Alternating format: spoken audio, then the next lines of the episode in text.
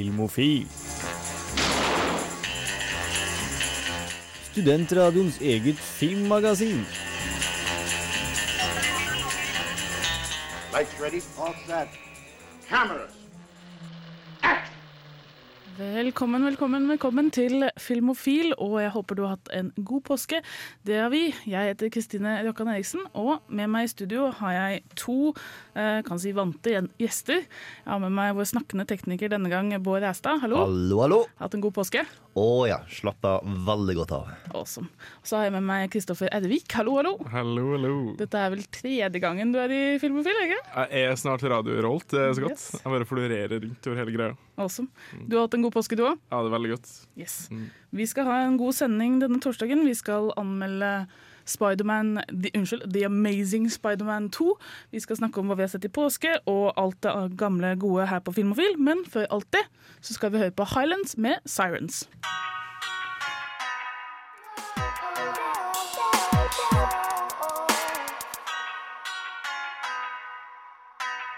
Det var Highlands med Sirens her på Filmofil på Radio Revolt. Vi skal ha filmnyheter. Filmofil gir deg nyhender fra filmen og fjernsynets i spanende vær. Ja, og da skal jeg starte nyhetsrunden her, og det er kanskje en nyhet som de fleste har fått med seg i løpet av påsken. Det er at eh, selveste Stephen Colbert har nå Ja, det er blitt bekreftet at han skal ta over fra David Letterman på The Late Show. Og eh, jeg så ganske mye av The Late Show når jeg var litt yngre, og jeg ser det ennå på The Stephen Colbert Show, så dette her er veldig sånn Å, herregud, hva skjer nå? Åssen skal dette her gå? Jeg vet ikke om dere to eh, er fan av noen av disse showa. Eh, Jeg har ikke sett eh, Letterman på en god del år, men The Colbert Report ser på støtt og stadig, og jeg er veldig fan av han. Jeg lurer veldig på hvordan dette kommer til å gå, fordi at eh, sånn Stephen Colbert oppfører seg på The Colbert Report, så er han en parodi på Fox News, og da spesielt Bill O'Reilly, hvor han Papa Bear. Ja, hvor han er med vilje erkekonservativ og skikkelig drittsekk og har en ordentlig karakter som han tar og spiller ut. Som blir helt fantastisk intervju. Den karen er kjempegod på intervju, spesielt når han tar og bruker karakteren sin fulle styrke til å Ja. få fram hvor god intervjufolka er. Men eh, hvordan han blir når han skal ta og være litt mer eh, Du kan liksom ikke ha så masse politisk satire i et late night show. Nei, det blir litt rart, for du, skulle, altså, du må jo nesten liksom skru av karakteren, for ellers så blir showet mer om karakteren enn enn intervjuene. da. Og det blir jo liksom, blir det, Ellers blir det bare en klone av The Colbert Report. Så det må jo skje noe nytt, men jeg er litt sånn skeptisk. Det blir sånn, øh. Ja, Men så har også late night-TV endret seg ganske kraftig Ja. de siste par åra. Det er ikke eh, Letterman og eh, han eh, Hva han haka het igjen? Carson og sånne ting. Da, Nei, det, det, det, det, er ikke, det er ikke bare prat lenger. Det er veldig masse sketsjer og tøys og gå viral på internett Mm. er veldig stort på late night. Så jeg tror det ikke er det dummeste trekket som ble gjort da Nei, gjorde den Nei, absolutt. Jeg tror nok det kommer til å trekke seere, uten tvil. Jeg er bare litt skeptisk på liksom, ja, vi går jo, Nå er jo en æra ferdig, liksom. Så jeg, ja, det er litt trist. Yes, Bård, du har med en eh, nyhet fra filmverdenen. Yes, Quentin Tarantino er et navn kjent for de aller fleste, og i starten av eh, rundt januartider så eh, skjedde noe veldig kjipt for ham. Han har jobba på et manus for en film som het The Hateful Eight, som ble lekka på nettet. Og da ble han stein pottesur og var sånn Nei, nå skal ikke jeg lage film av dette her nå lenger! Nei, ikke noe i som helst! Og så gikk hun litt lei av å bli sur, og så bare sånn OK, vet du hva, jeg har skrevet faktisk manus her nå, jeg gjøre noe med det. Så da fikk han en eh, samling av kompiser, og kompiser av eh, Quentin Tarantino inkluderer Samuel Jackson og Tim Roth og Michael Madsen og alt mulig rart. Og eh, fikk de til å sette seg ned og bare lese opp manuset som om det var et teaterstykke. Det passer seg veldig bra til dette manuset, fordi at det har blitt beskrevet som en western møter en Agatha Christie whodunit-style-krim. Så det, det ble ganske godt mottatt, sånn som jeg forstått det. Og nå, og på, på slutten av denne opplesningen så sa Quentin Tarantino eh, Folkens, dette er bare første utkast, og jeg holder på å jobbe på andre utkast. Ah. Så da er spørsmålet betyr det at han holder på å planlegge å lage en film allikevel, eller har han tenkt å lage en bok ut av dette? Time will tell. Yes, Helt til slutt eh, en nyhet fra JK Rowling eh, sin verden. Håper si Ikke Harry Potter-verdenen, men eh, den som kom etter, nemlig The Casual Vacancy. Som er en roman satt til småby-England. Hvor det skjer ja, mange sånne smålige og lugubre ting. Og Den skal nå bli en HBO-serie, eller mer sagt en HBO-miniserie. Tre timer har de sagt at det skal være. Og jeg, altså jeg har ikke lest boka, men jeg har lest veldig mye om den. Og for meg så liksom tre timer virker liksom Ja, det virker litt langt. Jeg kunne heller sett for meg en liksom, to timers film, maks. Så det er, ja, Men HBO lager jo veldig mye bra, da. Dette er den boka som hun ga ut under et uh, falskt navn. ja? Ja, Nei, var det? Var ikke det Cuckoo's Calling? Det var falskt navn. ja, ja det stemmer. det. Dette, den her kom først, og den ble bare gitt ut som JK Rowling, tror jeg. Mm. Eh, så da, men Den solgte jo veldig bra, men den fikk liksom blandet kritikk. Folk var liksom, ja, den er ålreit, men det er ikke noe sånn spektakulært. Jeg regner med at det var derfor hun gikk under falskt navn neste gang. Fordi at uh. Harry Potter er en veldig stor klump med bagasje. Ja, så Jeg har ikke lest noen av hennes eh, bøker etter Harry Potter, eh, så jeg veit ikke hvor god den er. Men altså, når jeg leser liksom om den, så tenker jeg ja, det passer på TV. For det her er sånn herlig sånn britiske småbyer er alltid gøy å leke seg i. Så jeg tror det kan bli bra. Jeg bare tror det er litt rart at HBO skulle lage en serie av det. da. Ja, Vi får se. Yes, Det var nyhetene for denne gang. Vi skal snart eh, høre om den nye Spiderman-filmen som jeg skal anmelde om litt. Men før det så skal vi høre på litt musikk, og da hører vi på Stian Vesterhus and Pale Horses med 'Nights and Sleepless Days'.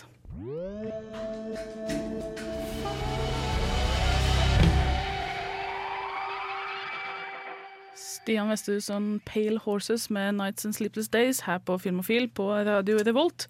Vi har nå kommet over på eh, kinopremieredelen av programmet, og da er det jeg som har vært og sett The Amazing Spiderman 2, som jeg skal nå snakke litt om. Og eh, jeg skal først begynne med å si hva plottet er til denne oppfølgeren.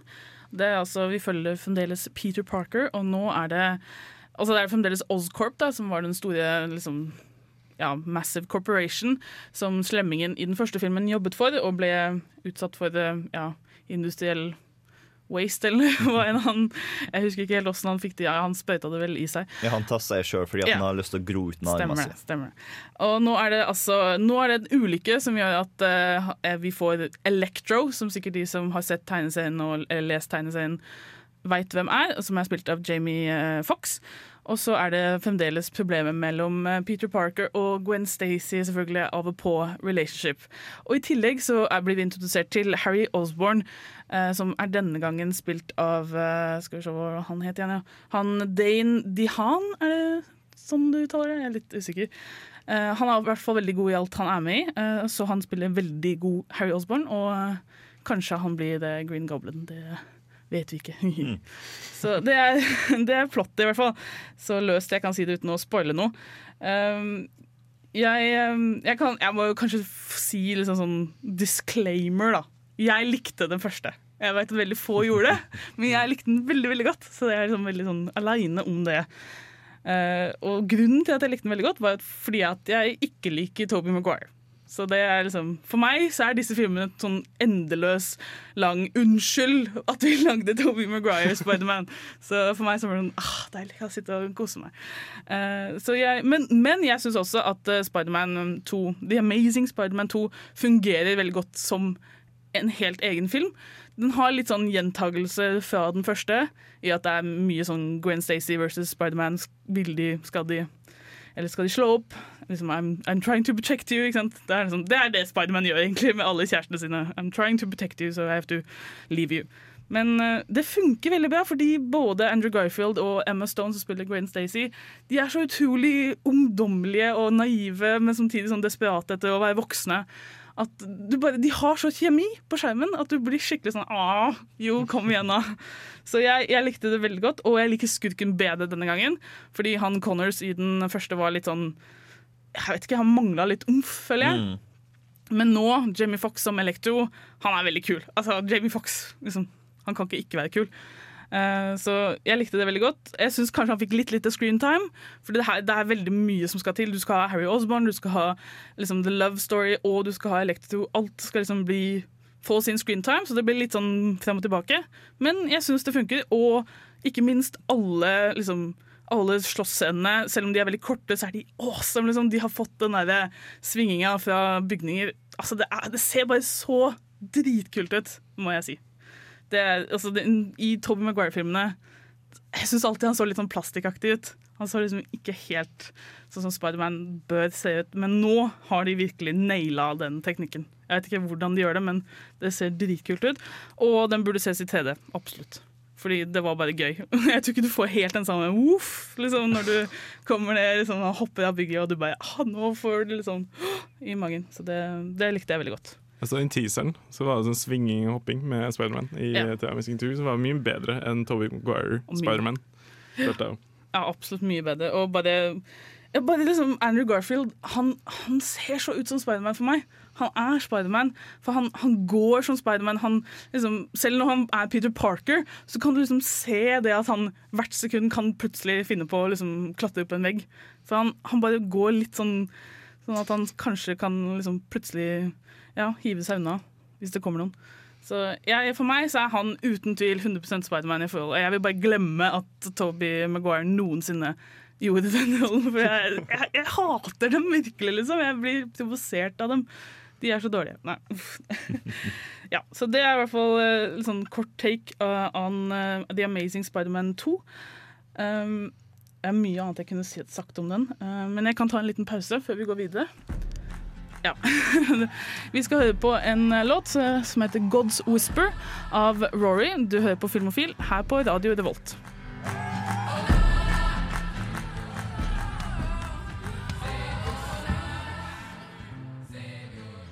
God's Whisper der av Rory her på Filmofil. Vi snakker om The Amazing Spider-Man 2, som kommer på kino denne fredagen, og som jeg har vært og sett og syns var ganske så ålreit. Jeg lurer på om dere hadde noen spørsmål om filmen, om hva, noe dere lurte på? Eh, jeg likte også den originale Amazing Spiderman ganske godt. Eh, Problemet er at den gjorde en hel haug med ting som Sam Raimi-filmene gjorde dårlig, men samtidig så gjorde han en hel med ting som Sam Raimi-filmene gjorde bra, som ikke la merke til hvor bra Sam Raimi-filmene gjorde, før de gjorde feil. Okay. En av de spesifikt er palettet, fordi at når jeg tenker tilbake på The Amazing Spiderman 1, så tenker jeg på som veldig mørkt og blått og dystert og ting som Spiderman ikke burde være. Og da lurer jeg på hvordan er palettet? Er det masse dagslys i Spiderman 2? Er det, eller er det fremdeles så dørt Det, det er mye mer dagslys Ja. enn den første, absolutt. Og jeg, synes, jeg tror drakten hans har blitt lysere også. Mm. Jeg mener Den rødfargen er veldig sånn den, den, Ja, den um. Og så tror jeg, selv om noen av slåssscenene er om natta, så er det ja, det er, jeg tenkte absolutt på at den var lysere. Den, og bare selve Det er litt fælt, og jeg kan ikke spoile, det er vanskelig. Um, fordi tonen er eh, i hvert fall mye lysere på en måte, men også liksom veldig Den, altså, den, ikke, den prøver ikke å være Iron Man. Liksom. Den, prøver, den er fremdeles i den eh, sjangeren kan du si, som den første, i at han prøver å være litt, litt dark her og der. Men absolutt ikke så dark som, eh, som, som Den har liksom biter, men de er veldig sånn avgrensa, kan du si. da Så jeg tror den, den har liksom den samme type humoren i at, uh, i at han, Peter Parker er sånn skikkelig awkward one-liner. Så han er veldig morsom. Jeg ler hver gang liksom, i den første når han sier Oh no, you found my weakness, it's tiny knives! Så ler jeg alltid. Det er så gøy. Og det er mye av det samme her. Liksom, han skal fange en bankran, og så hopper han ned på trucken og så banker på ruta. Liksom. Hei, åssen går det? Så jeg ser at du er, liksom, er, på, er på kjøretur nærmest. Og det er veldig mye sånn herre jeg tenker litt sånn på Buffy, det der teenager De har så lyst til å si noe snappy, og så blir det bare teit. Altså. men så er det morsomt av det. Så det, det er veldig gøy. Og jeg tror Andrew Garfield han gjør det veldig bra. Han treffer denne awkward teenage-linja akkurat. Så at noen ganger så tenker du OK, nå er det, nå er det nok. Slutt å være awkward. Men så blir det morsomt igjen. og det, det, det treffer de to. Både han og, og Emma Stone. De har den kjemien At det er ungdommer som bare Som er litt sånn 'Å, du liker meg, jeg liker deg.' Å, nei. ikke sant? Og det er, eh, ja, det er veldig søtt. Det som er litt planen for Sony, er å ta og gjøre Spiderman-universet til en levende verden, litt som Marvel-universet. Ja. Og føler du at de klarer å bygge det ut i uh, toeren? De prøver veldig. De har, eh, det er en scene hvor de liksom går ned i kjelleren til Osborne, og der kan du se mange referanser i bakgrunnen. Uh, og jeg skal ikke spoile noen av dem, men du ser virkelig den der, de prøver å, å dra det ut litt. Men samtidig så er det Altså det er liksom bare i New York. da, ikke sant? Det er veldig liten Du har, du har veldig lyst, som en Avenger-fan, du har så veldig lyst at noen skal nevne liksom oh, Tony Stark Tower is right over there, liksom. Men det kommer ikke til å skje, da, fordi det er vel forskjellige copyrights som går på yeah. ja. Så det vil aldri skje, men du har jo absolutt følelsen av at han, de kommer til å prøve å gjøre det enda større i den neste, for du har referanser til um, til ting i, um, i Spiderman-universet som har skjedd i Sam Raimi-filmene, og som ikke har skjedd i Sam Raimi-filmene. Så absolutt. Jeg håper at det neste kommer til å være enda større. Mm. I Spiderman 3, så eh, i, med din favorittmann i hele verden, Tobey Maguire, så tettpakker jeg filmen med tre superskurker og Spiderman. Det Mm. Ja. følte jeg ble litt for mye. Eh, Hva med The Amazing Spiderman 2? Var det akkurat nok? Passe med skumle psykopater? Ja, jeg tror det passer seg veldig bra i at eh, det, er, det er to, da. ikke sant? Det er Harry Osborn og Electro. Men de gjør det på en sånn måte at uh, det føles mer naturlig ut enn i den uh, Spiderman 3-filmen. For da var det liksom bare alle overalt hele tida. Men her føles det litt mer naturlig måten de kommer sammen på, da. Ja, Mm. Yes. uh, Hele du en karakter til filmen? Ja, det har jeg jo helt glemt. Uh, Jeg vil, jeg vil gi den Det er vanskelig. Den vipper mellom fire og fem. Så jeg må, jeg må nesten gi en femmer, for jeg hadde det så gøy. men jeg, som sagt, jeg elsker Spiderman 1, så ta det liksom, med i tankene når du vurderer den selv. yes. Men da kan vi gå videre. Vi skal snart snakke om eh, de andre Spiderman-filmene. Litt mer hva vi syns om den, men før det skal vi på Raw av Flyboy her på Filmofil.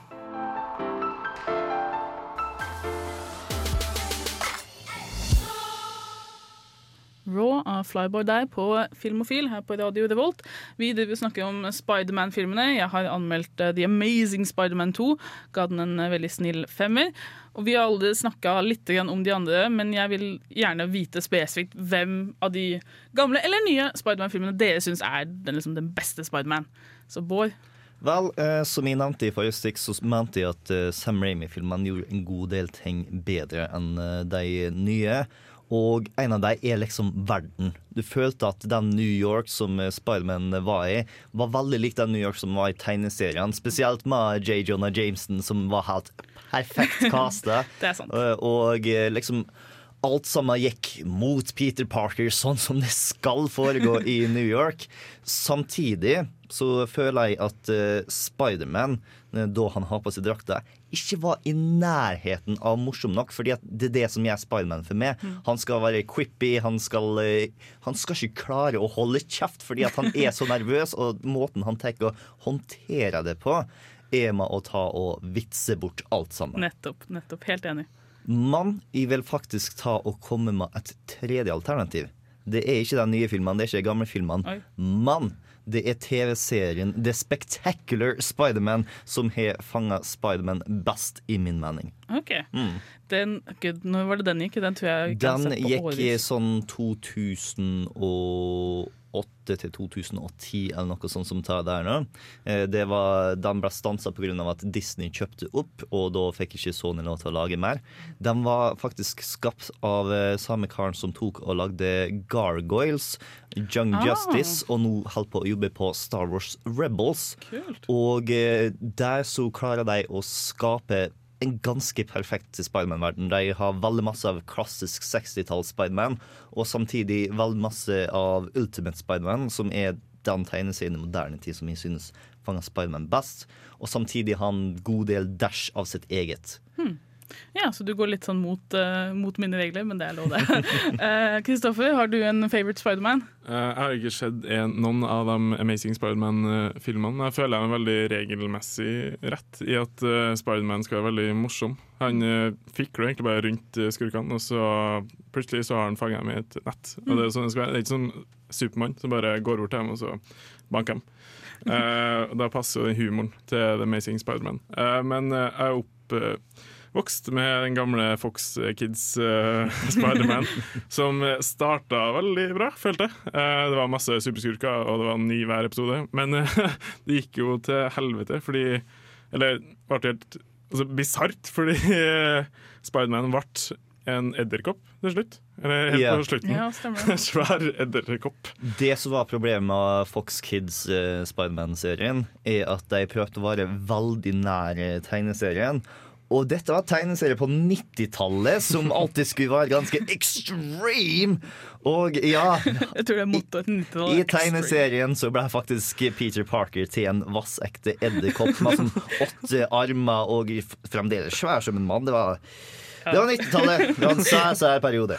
Men uh, av Toby Maguire-filmene, hvis jeg får lov til å kalle ham det, bare for å irritere deg, så tror jeg jeg likte eneren best. Jeg tror den traff på en veldig god alder da jeg hadde lyst til å ha en superkraft og hoppe på bygninga. Men jeg likte ikke de toeren og treeren, så det styrker egentlig bare eneren, som jeg føler er bedre. Den er litt matt og ideelt. Ja, jeg kan godta eneren som en ålreit film. Det Mm. er absolutt, det er ikke noe, jeg, er ikke noe sånn, altså, jeg sier at jeg hater dem, så er det en helt klart overdrivelse. Mm. Jeg vil ta og påstå at Spiderman 3 er en veldig underholdende film. Ja, Du har bare nødt Det som er greia med Spiderman-serien, er at eh, sånn som jeg har blitt forklart det, da jeg planla Spiderman 1, så var det et par karer i et rom som satte seg ned og planla. I Spiderman 2 så var rommet helt fullt med folk som kom med ideer til hva jeg skulle gjøre. I Spiderman 3 så var det folk som sto ute på gangen og kasta ideer på deg. Og eh, jeg føler bare at Spiderman 3 handla om Sam Ramy. Så jeg bare sånn Vel, fuck! Jeg får ikke lov til å lage den filmen som jeg har lyst til å lage. Så vel, da bare tar jeg og lager et eller annet teit.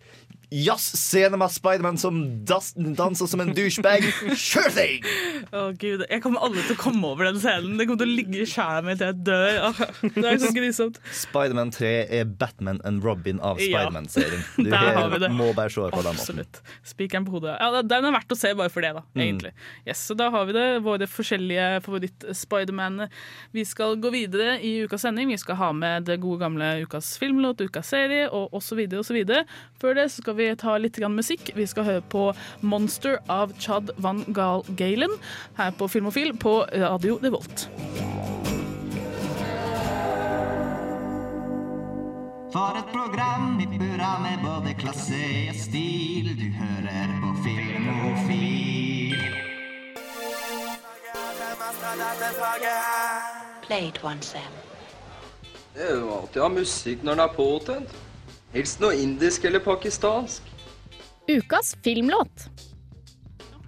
Da er det tid for ukas filmlåt her på Filmofil, hvor jeg eller noen andre finner, på, finner fram en låt fra enten en film eller en TV-serie som jeg nå har bestemt er regelen. Kan vi ta og finne på en uh, låt fra en uh, serie eller noe sånt? Finne på en? Ja.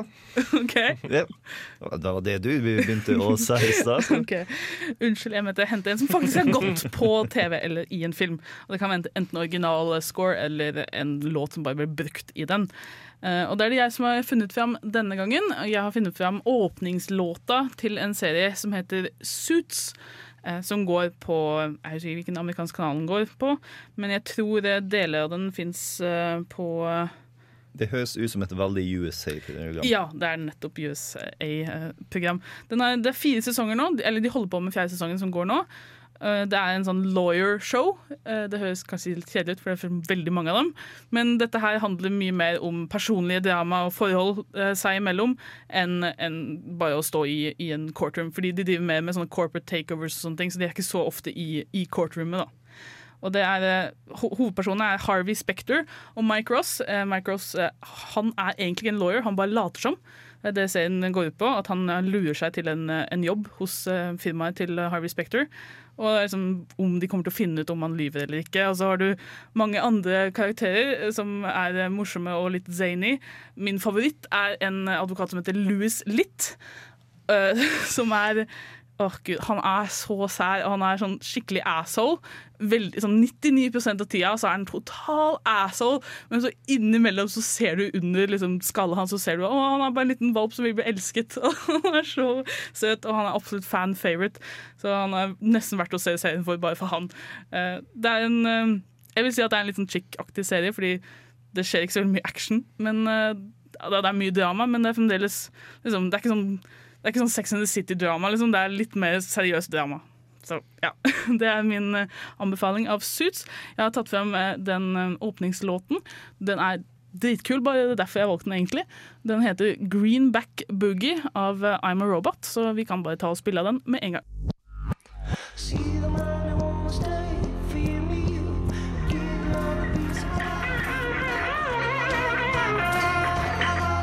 Det var eh, Greenback Boogie av I'm a Robot fra serien Suits. Og du hører fortsatt på Filmofil. Vi skal snakke om hva vi har sett i påsken, for jeg antar at vi har ikke bare gått på ski. Vi har eh, faktisk sittet inne litt òg, som var deilig. Eh, Har dere to sett noe awesome i påsken dere har lyst til å dele? Og sett- anbefale? Ja, jeg har sett The Grand Budapest Hotel. Jeg henger litt etter. Å, herlig. Eh, Men jeg syns den var fin. Veldig vakker å se på. Men jeg liker Moonrise Kingdom mye, mye bedre. Er det Gjør du det? brannfakkel? Ja, jeg gjør. Jeg følte det passa bedre, egentlig. Men det, det er en slags tribute til en forfatter. Stefan Zweig. Zweig. En østerriker, i hvert fall. Eh, Jeg følte det var litt prega av det. At det ikke var West Anderson sjøl. Det er jo han. Og det er jo, det er jo liksom ja, humoren og originaliteten hans. Mm. Eh, og så har jeg sett på Black Books. For Awesome. det er livet mitt.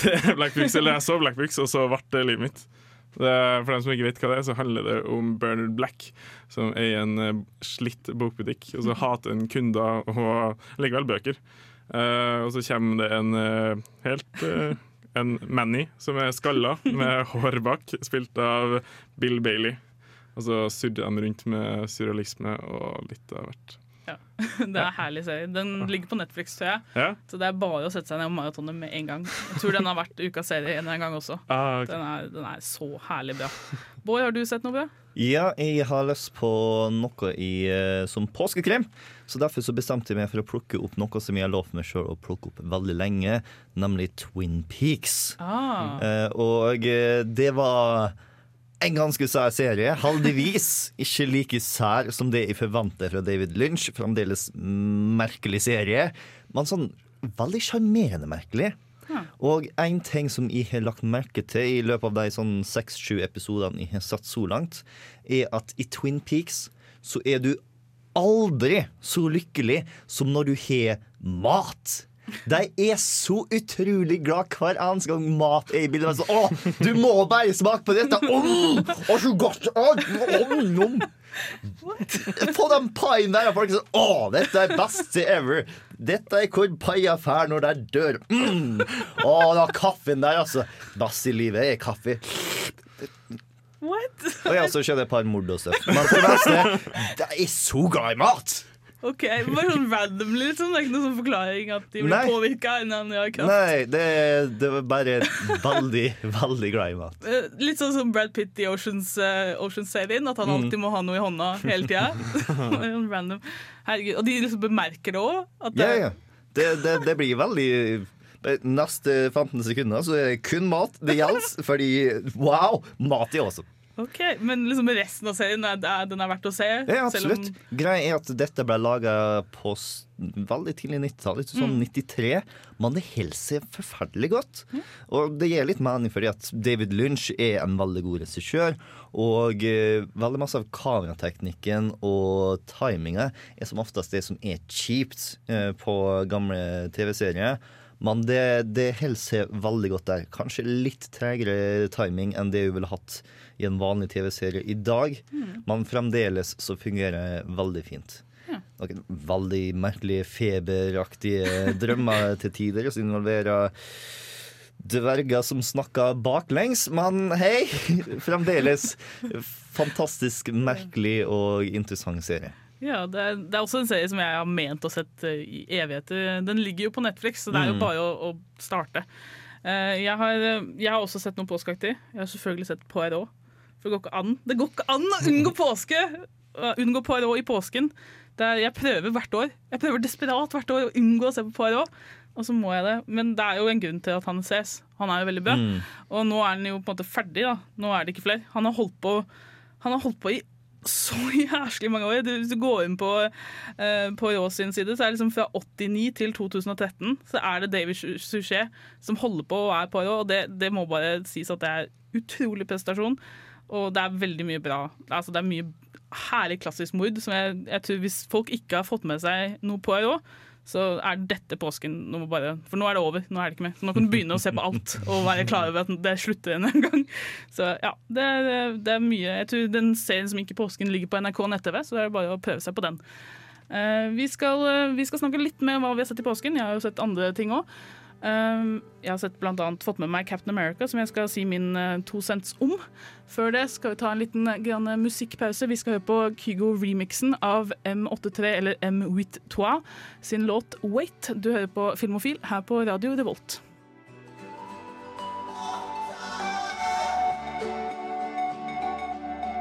Hørte dere Kygo-remixen av M83 sin låt 'Wait' her på Filmofil på Radio Revolt. Vi snakker om hva vi har fått, uh, fått med oss i påsken, for vi har ikke bare gått på ski. Jeg har greid å fått med meg uh, Captain America The Winter Soldier to ganger på kino, faktisk. Så jeg føler at nå har jeg liksom lov til å si hva jeg mener om filmen. Og jeg, jeg likte den skikkelig godt. Jeg er altså, overraska hvor godt jeg likte den. Jeg, jeg setter den nesten liksom på Iron Man-høyder av liksom hvor jeg skal rangere alle disse. Det er vel åtte Marvel-filmer nå som du må rangere, så alle må liksom gjøre det en gang. Og jeg tror liksom Jeg liker liksom Thor, Iron Man, eh, Iron Man 3 og så Captain America Winter Soldier. Er liksom, jeg tror det er min toppliste akkurat nå. Jeg vet ikke om Dere dere snakket jo om den før, før påske. Mm. Du, jeg husker ikke hvilken karakter dere ga den. Jeg, jeg var ikke med på den. Jeg satt lang med Henrik da vi så den, og vi likte den godt eh, begge to.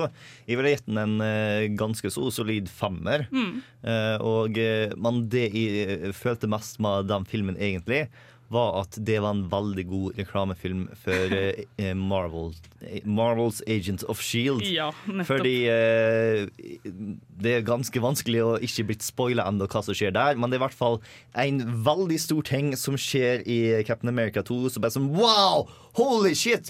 Hvordan påvirka dette TV-serien? Og bare sånn, å, jeg må ta ketchup. Oh shit, det har blitt ganske bra i det siste. Wow! Nettopp. Så jeg, det var det første jeg gjorde liksom, jeg kom ut til salen. Jeg bare sånn, OK, hva skjer med liksom, Agents of Shield? Jeg må hjem og finne dette her ut Mm. med en gang. Men jeg syns også det er en veldig bra sånn, liksom, spy-movie. Ja. Det, det har så mye herlige sånn, spørsmål som hvem kan du stole på? Mm. Og det er sånne spørsmål som Captain America absolutt bør svare på. Ja, for det, de minner veldig masse om moderne spionfilmer, sånn Born Bourne Mm. og den eh, nyere typen James Bond. Men det er det som gjør at Captain America 2 fungerer så bra, er at Captain America er hovedkarakteren. Han er så utrolig snill og fast på moralene sine og skal være det idealet som Amerika ser opp til, men alltid feiler å leve opp til. Og det, det, det at han faktisk klarer å beseire alt sammen, og bestå som den uh, lyspælen av uh, truth and justice som han faktisk er, gjør at den filmen fungerer så bra som den gjør. Helt enig. Det er akkurat, akkurat sånn jeg ville sagt det. så du har sett den du òg, Kristoffer? Uh, nei. okay. Nei, jeg har sett eneren. Uh, og, men ideen jeg har hatt om Captain America før, at den var veldig sånn Nå springer jeg rundt med skjoldet mitt, og så forsvarer jeg USA. Mm. Det er veldig fint. Men nå, og i likhet med mange andre eh, superheltfilmer, så begynner jeg å få litt mer sånn tanke på Mm. ting og liv, og at alt ikke er godt og vondt. Og det føler jeg eh, skjer i den forrige, den første Captain America-filmen. Skjer det i andre òg? Ja, absolutt. Det er eh, Altså, det jeg liker veldig godt med Marvel-universet, og er sikkert grunnen til at alle, ingen er direkte dårlige, er at alle liksom alle tør å gjøre sin egen ting og spørre sine egne spørsmål. Det er liksom, alle er ikke sånn her Heroes Journey, stor Mm. slutt, ferdig med det. Alle har liksom sine egne liksom, Iron Man 2, uh, Iron Man 3 spør liksom hva skjer med, liksom, når du har se- severe PS, uh, sånn post-traumatic stress disorder, og du liksom, skal prøve å være denne fyren som du helt klart ikke er. Den spør også om uh, Tony Stark er mer enn Iron Man. Ja. Og så har du Captain America som spør liksom, OK, du, er, du skal liksom alltid gjøre det riktige, men hva skjer når du ikke veit hva det riktige er? Ikke sant? Mm. Og det er og så altså, Thor um, the, the Dark World, eh, den er liksom Den er kanskje litt mer sånn tradisjonell, men den spør også veldig sånn Ja, hva slags rolle har, eh, har ja, hva slags rolle kommer Loke til å ha i seg i filmen? Hadde jeg mest lyst til å si, for det er egentlig det den filmen handler om. Og det er kanskje derfor den faller litt, da. At den egentlig ikke spør så Mm. veldig annet. Men jeg, jeg liker den måten superheltfilmer har vært på i det siste. Både Captain America 2, Tour 2, The Wolverine. Alle sammen er liksom Det føles som eventyr. Du Mm. trenger ikke etablere noe. Det er bare sånn Du vet hvem dette er, og gjett hva! Ting skjer, og de fikser det! Yes. Og det er kult! Ja, det er og, absolutt. og vi er forbi det tidspunktet hvor vi er nødt til å ta forklare hvordan verden fungerer, hvem alle disse folka er, hvorfor du burde ta og dispense your disbelief og alt mulig rart. Sånn, Yeah. Ja, det er liksom Du trenger ikke ha den derre at folk poengterer at dette her er latterlig. Liksom. Du bare, Vi veit det er latterlig, men yeah. vi, we're just going for it. Og, det, og Captain America greier den der linja med seriøsitet og at it's fucking liksom helicopter Helicarriers er det vel det heter, i lufta. Og det er helt latterlig. Er sånn, de er enorme. Det går jo ikke an. Men det fine nye med Eller ikke, kanskje ikke nytt, men nye med Marvel er at de har Jeg tror de har investert, da. Mistenker jeg for å investere i en gruppe med komikere som bare slenger supervitser. Ikke sånne vitser som de har i uh, Batman Robin, tror jeg, Uh, der Arnold Schwarzenegger freeze this, oh, eller uh, Ikke minn meg på det! Men uh, når jeg så Thor eh, Dark World, så var det så mye morsomt. Jeg tenkte det skulle bare skje masse action og bråk, men det var jo helt ufattelig mye humor. Det det. Det var deilig å se. Captain America 2 har noe veldig godt av at uh, Rousseau-brødrene regisserte, som er mest kjent tidligere fra å regissere en hellhemma kule episode fra Community. Ah, ja. ja, det er helt klart altså, Selv om den er mye mørkere enn f.eks. Avengers, så er den, den er mye morsomt. Ass. Det er mye sånn småting som er Altså, Chris Evans er perfekt. Altså, han, er, han, er, han er Captain America. Jeg tror alle Jeg tror faktisk Marvel har greid en sånn algoritme hvor de kan finne personen i verden som er mest lik karakteren sin. For det er sånn across the board. Alle sammen passer sånn skummelt til akkurat den rollen de har fått. Er, jeg veit ikke hvordan de gjør det. Alle er perfect fit. Så ja, det var eh, Captain America The Winter Soldier som jeg har fått med. Så jeg anbefaler alle, hvis ikke de har fått den i påsken, se den nå. Vi skal gå videre i sendinga. Vi skal snart snakke om litt Shakespeare. Men før det skal vi høre på Anti-Lily and Phoenix 14 til her på Filmofil. Wake your ass up, my nigga. My OG used to tell me it's always somebody out Der hørte du 14 til av Anti Lily and Phoenix her på Filmofil. Vi skal snakke litt om Shakespeare, fordi det er nå 450 år siden Shakespeare ble født. Og jeg er utrolig stor Shakespeare-fan. Jeg har vært det så lenge jeg kan huske. Eh, er dere det? Jeg må bare spørre. Har dere sett noe Shakespeare? Enten på film eller på scenen eller noen ting? Uh, jeg leste Hamlet, og kjenner jo til det. Jeg kjenner litt sånn adopsjoner. Jeg er med i Doctor Who en gang. Og jeg digger Dr. Who. Hvis det er les. Ja. Uh, så har jeg sett Mel. Gibson. Ikke Mel Gibson? Jo. Macbeth, ja. Ja. Eh, og den Hamlet med Hvem som spiller der? Han er australier? Det fins mange versjoner, versjoner av Hamlet, så Ja. Eh, Den favoritten min er med David Tennant, eh, som jeg skal snakke om om ett sekund. Jeg skal bare først si at eh, En av grunnene til at Hvis du går inn på IMDb og søker opp William Shakespeare, så får du opp liksom profilen til William Shakespeare, og da ser du at hans filmografi er, inneholder 997 writing credits. Så det er, du har noe å velge mellom. Men jeg tenkte jeg skulle dra frem noen av mine favoritter. Da. Men det er jo, det er stadig altså, Du blir aldri ferdig med Shakespeare. Han er universell og evig, tror jeg. Og Snart så kommer det jo en ny versjon av Macbeth, annet med Michael Fassbender, som jeg gleder meg kjempe til. Josh Whedon har jo lagd eh, Shakespeare. Han har lagd eh, Much ado about nothing. Yes, nettopp. Som jeg ikke har sett ennå. Jeg er litt skuffa at jeg ikke har fått tid til det. Um, Bård, du ser mye Shakespeare, eller ikke? Mm, vel, greia er at jeg har en enorm respekt for karen, men jeg har egentlig ikke fått med meg noe særlig Faktisk, jeg har, fått plottet til aller meste, men problemet mitt med Shakespeare er at språket hans er så vanskelig. Det er sant, det. Sa- samtidig så har jeg en enorm respekt for hva han gjorde med det engelske språket, fordi at han lagde en haug med ord. Han har tydeligvis så artig med bare sånn Ja, da putter vi disse to ordene her nå, og dette substantivet her er nå et verb, før de sa det. Og plutselig så har han eh, stått bak sånn en tredjedel av det engelske språket. Ja, helt, helt riktig. Han er fenomenal. Eh, jeg kan anbefale hvis eh, Altså, jeg synes at du må Det er en øvelsessak rett og slett med å lese Shakespeare. Men hvis du vil ha en liten shortcut, så kan jeg anbefale å gå inn på sparknotes.com og søke opp No Fair Shakespeare.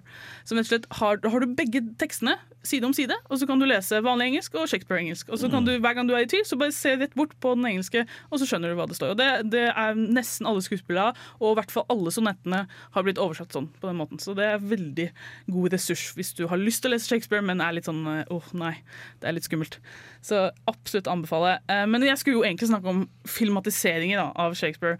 Og som sagt, Min absolutt favorittversjon av Hamlet, som er et skuespill de fleste har kjennskap til, Er Løvenes konge.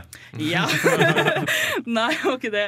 Men jo, egentlig. Teknisk sett så er det jo det fordi jeg elsker Løvenes konge, så ja, OK, greit, du får den. Damn you.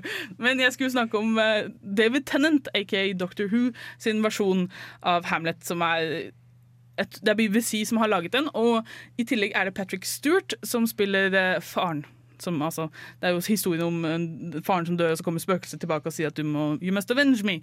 Og, eh, og så er det hele, hele greia egentlig om, om Hamlet sin tvil om han skal gjøre det eller ikke.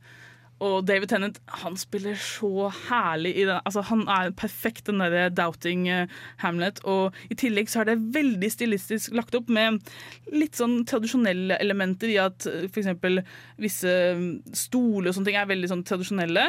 Men så han går rundt i T-skjorte og jeans, liksom. Og scenen er eksempel helt sånn svart lakkert, uh, sånn marmoraktig. og sånn speil overalt, og det, er, det ser veldig stilig ut. Bare Hele greia er fantastisk å se på. Og selvfølgelig Patrick Stewart som uh, The Dead King. Er liksom, han er bare awesome. Uh, og det er ah, Altså Hvis du ikke skal se noe annet, anbefaler jeg å prøve den her. Altså, fordi den, han bare drar deg inn. Selv om du ikke helt skjønner hva han sier, så forstår du liksom følelsene bak det. Og det er det som gjør Shakespeare universell. Da. Det er det at følelsene bak det er eh, Ja, de, alle har et forhold til det. Så ja, det var, det var Hamlet, da. Og så må jeg nevne Jeg må nesten nevne en sånn litt rar en, da.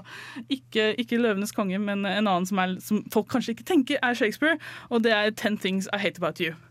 Som er Er dere klar over at det er en Shakespeare-film? Nei. Det er ikke sant? Nettopp hvorfor er det ikke det det?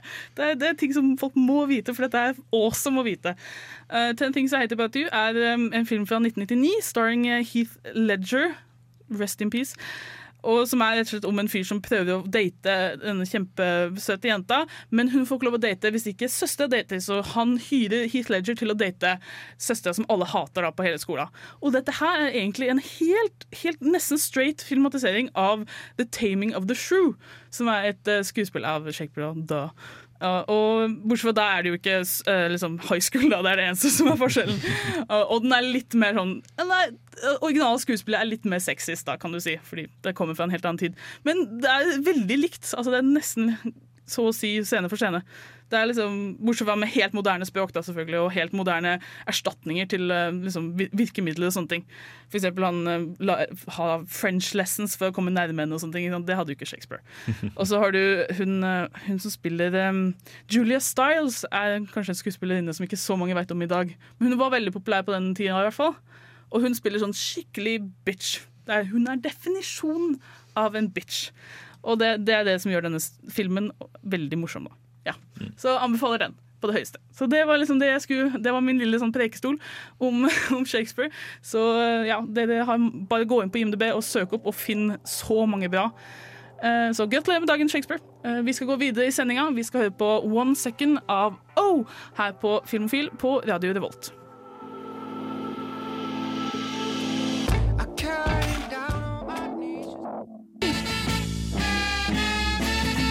Nytt i videohylla. Rykende ferske digitalfilmer som du kan ha i din heim.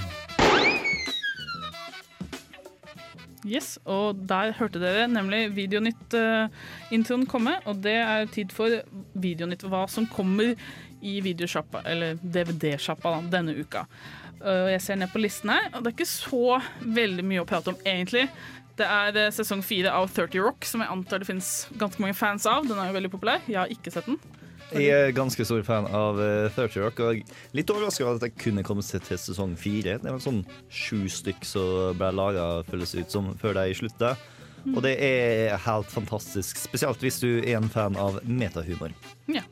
Det er absolutt uh, anbefalt. Jeg skal se den en gang. Jeg må, må sette meg ned og gjøre det. Eh, en annen serie som kommer, sesong én av Elementary, som er den helt altså horrendously underrated versjon av Sherlock Holmes. Og jeg hater at alle Ja, BBC Sherlock er best. Jeg, jeg tvi... Altså, det er ja. Men Elementary fortjener, fortjener litt mer. Altså. Den er bra, syns jeg. Så den sesongen har kommet der, så hvis du har lyst til å undersøke det, så er det bare å stikke på sjappa.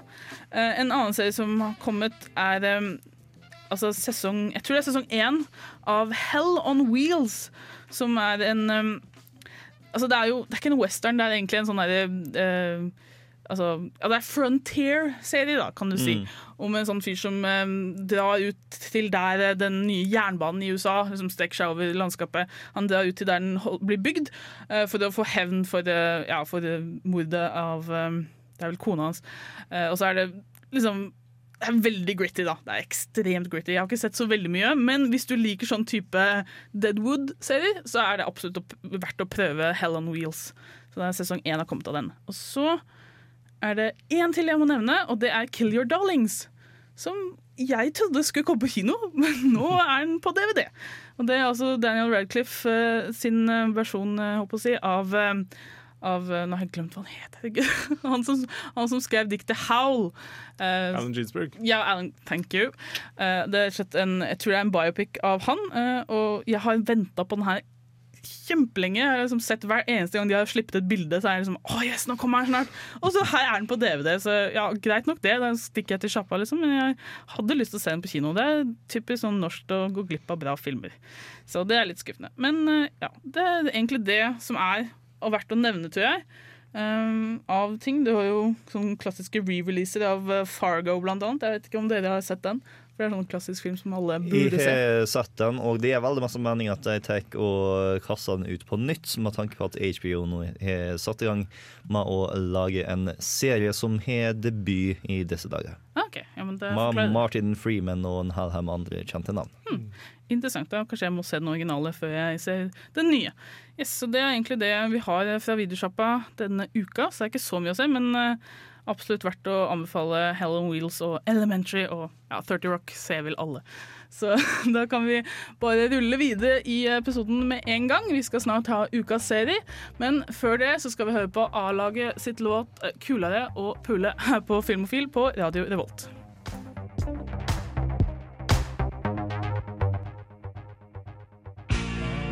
Hei! Hei! Det er ikke 90s sitcom-flashback. Ta og Skru på noe annet. Bedre, men prøv igjen. Der, ja! Ahem. Filmofil presenterer ukas serie. Da er det tid for ukas serie her på Filmofil. Og dette, denne musikken bakom her, den er lenge siden jeg har hørt. altså. Bård, det er du som har tatt den med. Hva er det vi hører? Det du hører, er åpningslåten til The Boondocks, en animert serie fra Amerika. Eh, som er ganske samfunnskritisk og satirisk av seg. Eh, den er basert på en eh, webcomic laga av en eller annen afroamerikansk kar, hvor han tok og bare retta ut mot alt det han ikke likte med afroamerikansk kultur. Og bare Folkens, slutt å oppføre dere som idioter. Vi kan bedre enn dette. La oss være bedre. Eh, og den ble adoptert eh, av Adult Swim til å bli en uh, animert serie, som nå faktisk har begynt på sin fjerde sesong. Oi. Første sesong kom ut mens eh, George W. Bush fremdeles var president. Og så var det en lang pause mellom andre og tredje sesong. I tredje sesong så var det faktisk så lang tid siden at, eh, at Obama ble president, var big fucking deal. Og så ble det en enorm lang pause, og nå har første episode av sesong fire kommet ut, og eh, episode to kommer om et par dager. Ja. Ja, altså, dette er en serie som jeg så på når den først kom. Eh, Du kan jo si litt om hva plottet går ut på.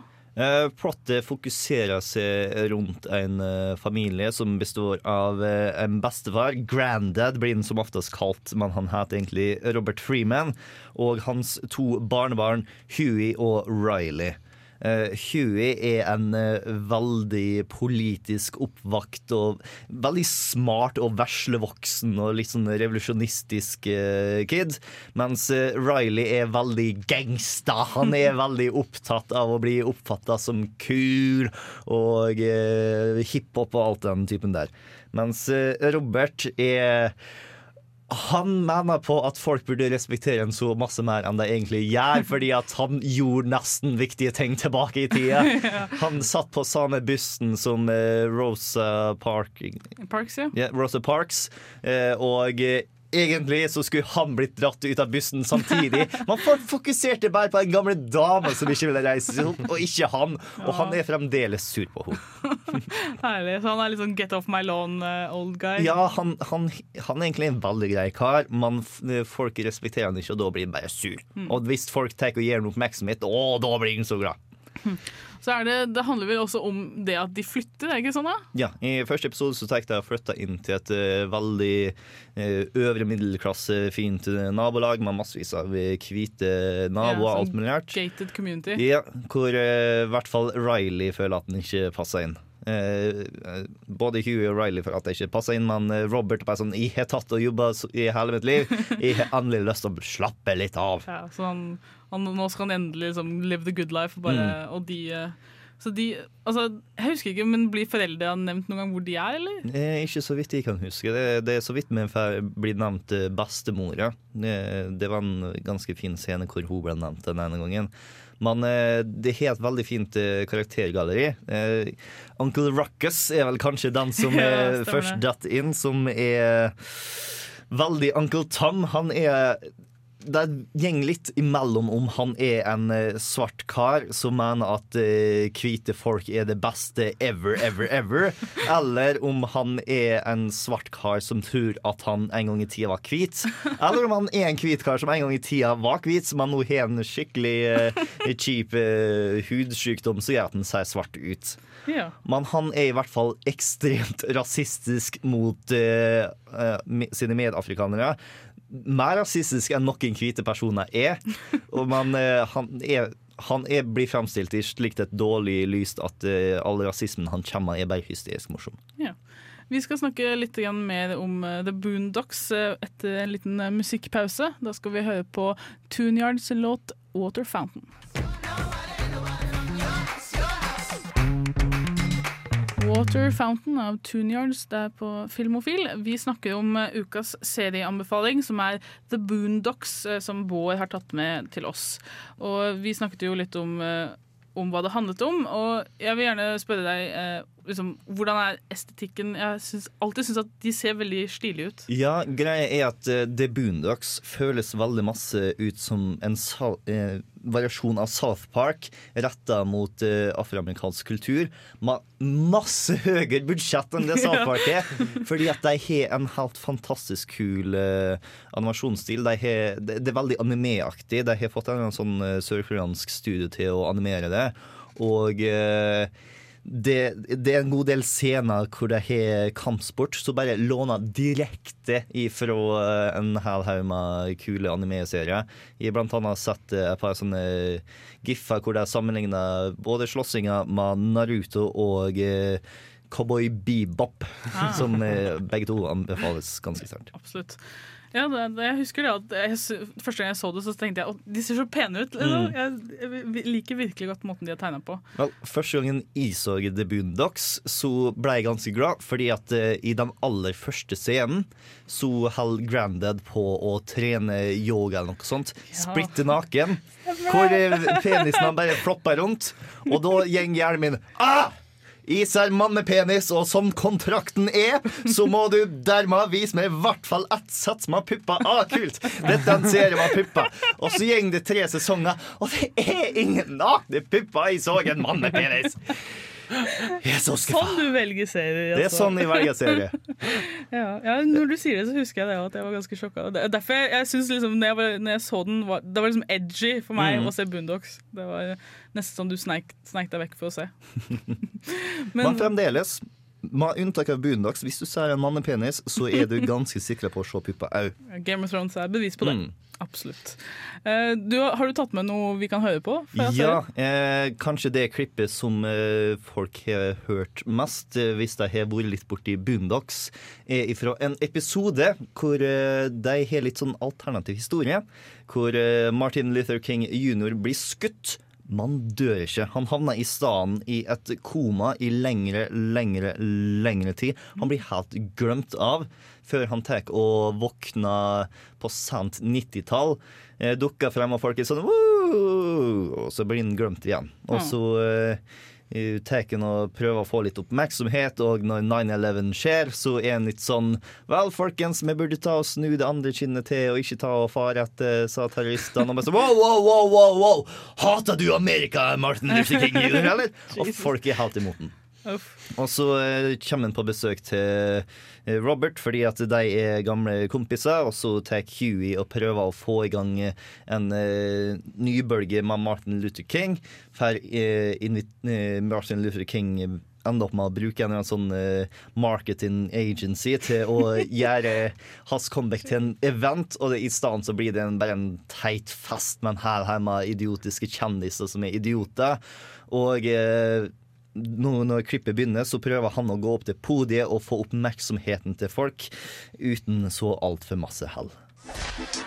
Excuse me, brothers and sisters, please. If someone could just turn off. King looked out on his people and saw they were in great need. So he did what all great leaders do. He told them the truth. Will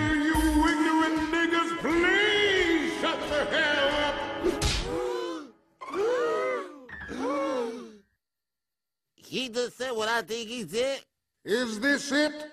This is what I got all those ass whoopings for? I had a dream once. It was a dream that little black boys and little black girls would drink from the river of prosperity, freed from the thirst of oppression.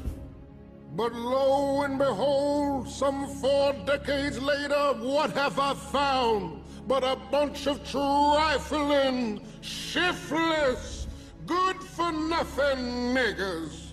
And I know some of you don't want to hear me say that word. It's the ugliest word in the English language. But that's what I see now niggers. And you don't want to be a nigger. Cause niggas are living contradictions.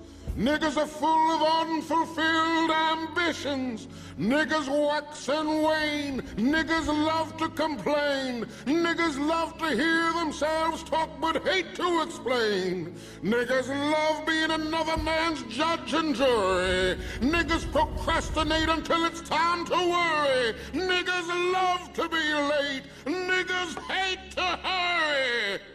I've seen what's around the corner. I've seen what's over the horizon. And I promise you, you niggas have nothing to celebrate. And no, I won't get there with you. I'm going to Canada. Det, var en veldig, det klippet var litt sånn wow, det her er seriøse saker. Ja, eh, greia er at eh, ikke ulikt eh, South Park, så har de veldig lyst til å ta og komme fram med et poeng. Men samtidig så er de ikke redd for å være krass. De tar og bruker veldig masse hyperbole. De eh, er ikke redd for å ta og legge fingrene imellom når de tar og gir samfunnskritikk. Og det å ta og putte enkelte ord i Martin Luther Kings eh, munn på den måten der nå, skapte oppmerksomhet tilbake i tida. Det var en god del folk som ikke var fornøyd med det, men eh, samtidig så må vi spørre sjøl hva har han sagt, dersom han har dukka opp og sett hvordan ståa var. Ja, det er, det er et veldig interessant spørsmål. Jeg syns de gjør det på en veldig provoserende, men interessant måte. Og det, det, er, det er gøy med sånne animerte serier som faktisk tør å gjøre ting som kanskje ikke skuespillere hadde Som på en scene ville ha tenkt å gjort. Da. Mm. Mm, absolutt. Ja, det er en morsom serie òg, da. Ja, og du kan ta og finne den på Netflix, i hvert fall amerikansk Netflix, om ikke norsk. Og alle de tre forrige sesongene ligger ute der, og den fjerde sesongen har nå begynt. Awesome, det skal jeg absolutt. Jeg skal ta oss og se det jeg ikke har sett. For jeg veit ikke hvorfor jeg falt av. Det er ingen grunn til det, for det er en veldig bra serie. Absolutt. Da skal vi rusle videre i eh, sendinga. Vi, ja, vi er snart ferdig med sendinga, men vi skal ha ukas hjemmelekse om ikke så veldig lenge. Men før det skal vi ta en musikkpause. Vi skal høre på 'Making Me' av Woodland. Du hører på Filmofil her på Radio Revolt.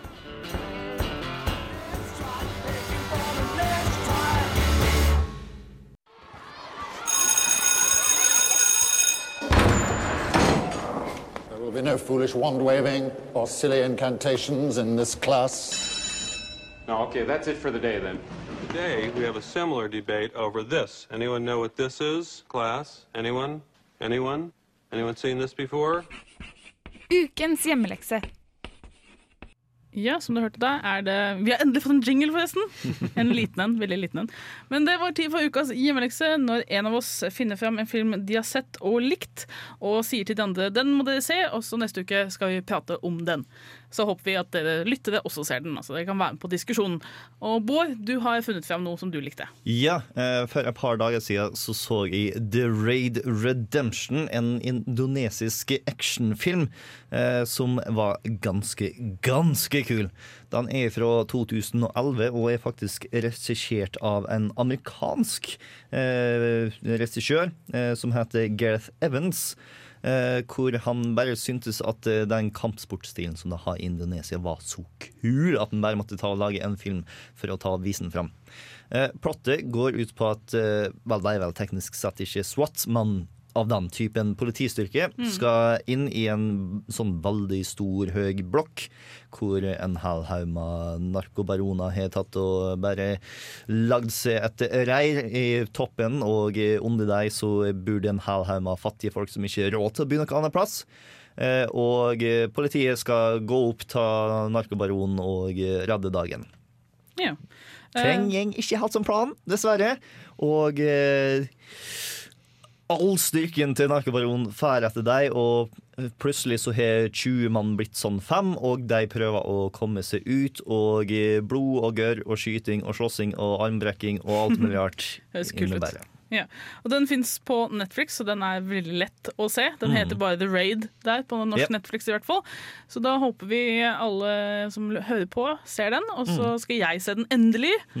Um, Eh, For de som har satt Dread, så er plottet sterkt inspirert eh, Dread var inspirert av The Raid, Ja. og ikke den andre veien rundt. Yes. Så ja, jeg tror det blir veldig gøy. Så det, det blir da denne ukas hjemmelekse til alle dere. Yes. Da, vi, da er vi snart ferdig med ukas sending. Vi skal høre på en siste låt før vi sier takk for oss. Det blir The In Another World av Sleep Party People her på Filmofil.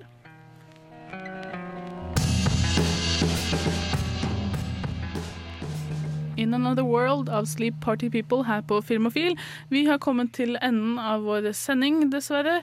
Vi har hatt det veldig gøy. da. Vi har snakket masse om, eh, om påskefilm og sånne ting. Det skal jeg ikke ta og ramse opp så mye om det, men jeg skal uh, si at eh, vi, vi anmeldte The Amazing Spider-Man 2. Det er litt vanskelig å si det uten å si The Amazing Spider-Man 2, som jeg hadde sett på kino, og ga en, en snill femmer, fordi jeg er så glad i Andrew Garfield og ikke glad i Tobey Maguire, som jeg tror vi Ja, vi har gått over den samtalen nok. Men dere, dere hadde alternative Spiderman som jeg syns var veldig interessant. Som viser, kanskje beviser at jeg tar, tar ikke så feil når, når jeg, jeg ser litt ned på Sam Ra Raimis Spiderman. Men jeg skal ikke ta det opp igjen. Uh, vi, uh, vi snakket om eh, The Boondocks, som var ukas serieanbefaling. eh, Som er en animert serie som Bård tok med, som er absolutt å anbefale å se. Den ligger på Netflix, var det ikke sånn? Jo. Det er riktig. Og så har vi eh, snakket om eh, eh, Ukas hjemlekse må vi selvfølgelig gjenta, sånn folk får det med seg. Det var The Raid Redemption, eller bare The Raid på norsk Netflix, som eh, dere skal få lov til å se til neste uke. Indonesisk actionfilm fra 2011 som er den Veldig action. Masse blod og gørr og skyting og kampsport. Ja, det er veldig gøy. Og så har vi, ja, vi har snakka litt om hva vi har fått med oss i påsken. Jeg fikk endelig lov å gi min, eh, min terningkast til eh, Captain America The Winter Soldier, som jeg, jeg må bare gi en god femmer til den. Altså. Og det tror jeg vi alle var enig i, for det, Mm. den, den må komme jeg, jeg føler at i ettertid, når vi ser tilbake, så kommer vi til å se på det som en av de aller, aller beste Marvel-filmene. Blant liksom topp fem, i hvert fall. Jeg vet ikke hvor mange det kommer til å bli i løpet av det. Vi har åtte nå, herregud. Tenk, tenk hvor lang listen den kommer til å bli etter hvert. kommer nok til å Herregud. Det er ikke så mange åra før det er 20 stykker, altså. Ikke sant? Og jeg, dette her skal vi maratone, folkens. Jeg antar dere er med på det. Ja, Ja, Jeg, Jeg har, jeg har maratona når det var seks. Så Det er sånn at du snart må bare ta og dele det opp. Ja, sånn at du maratoner Iron Man-filmene og så maratoner Captain America-filmen. ja, men det, jeg gleder meg bare til det. ja. Så det har vært uh, ukas sending. Eh, Vi uh, har hatt det veldig gøy. Jeg heter Kristine Rokkan Eriksen. Med meg i studio har jeg hatt med Bård Ræstad og Kristoffer Ervik. Så vi har hatt det veldig gøy. Vi får håpe dere har hatt en god påske, og ha det bra.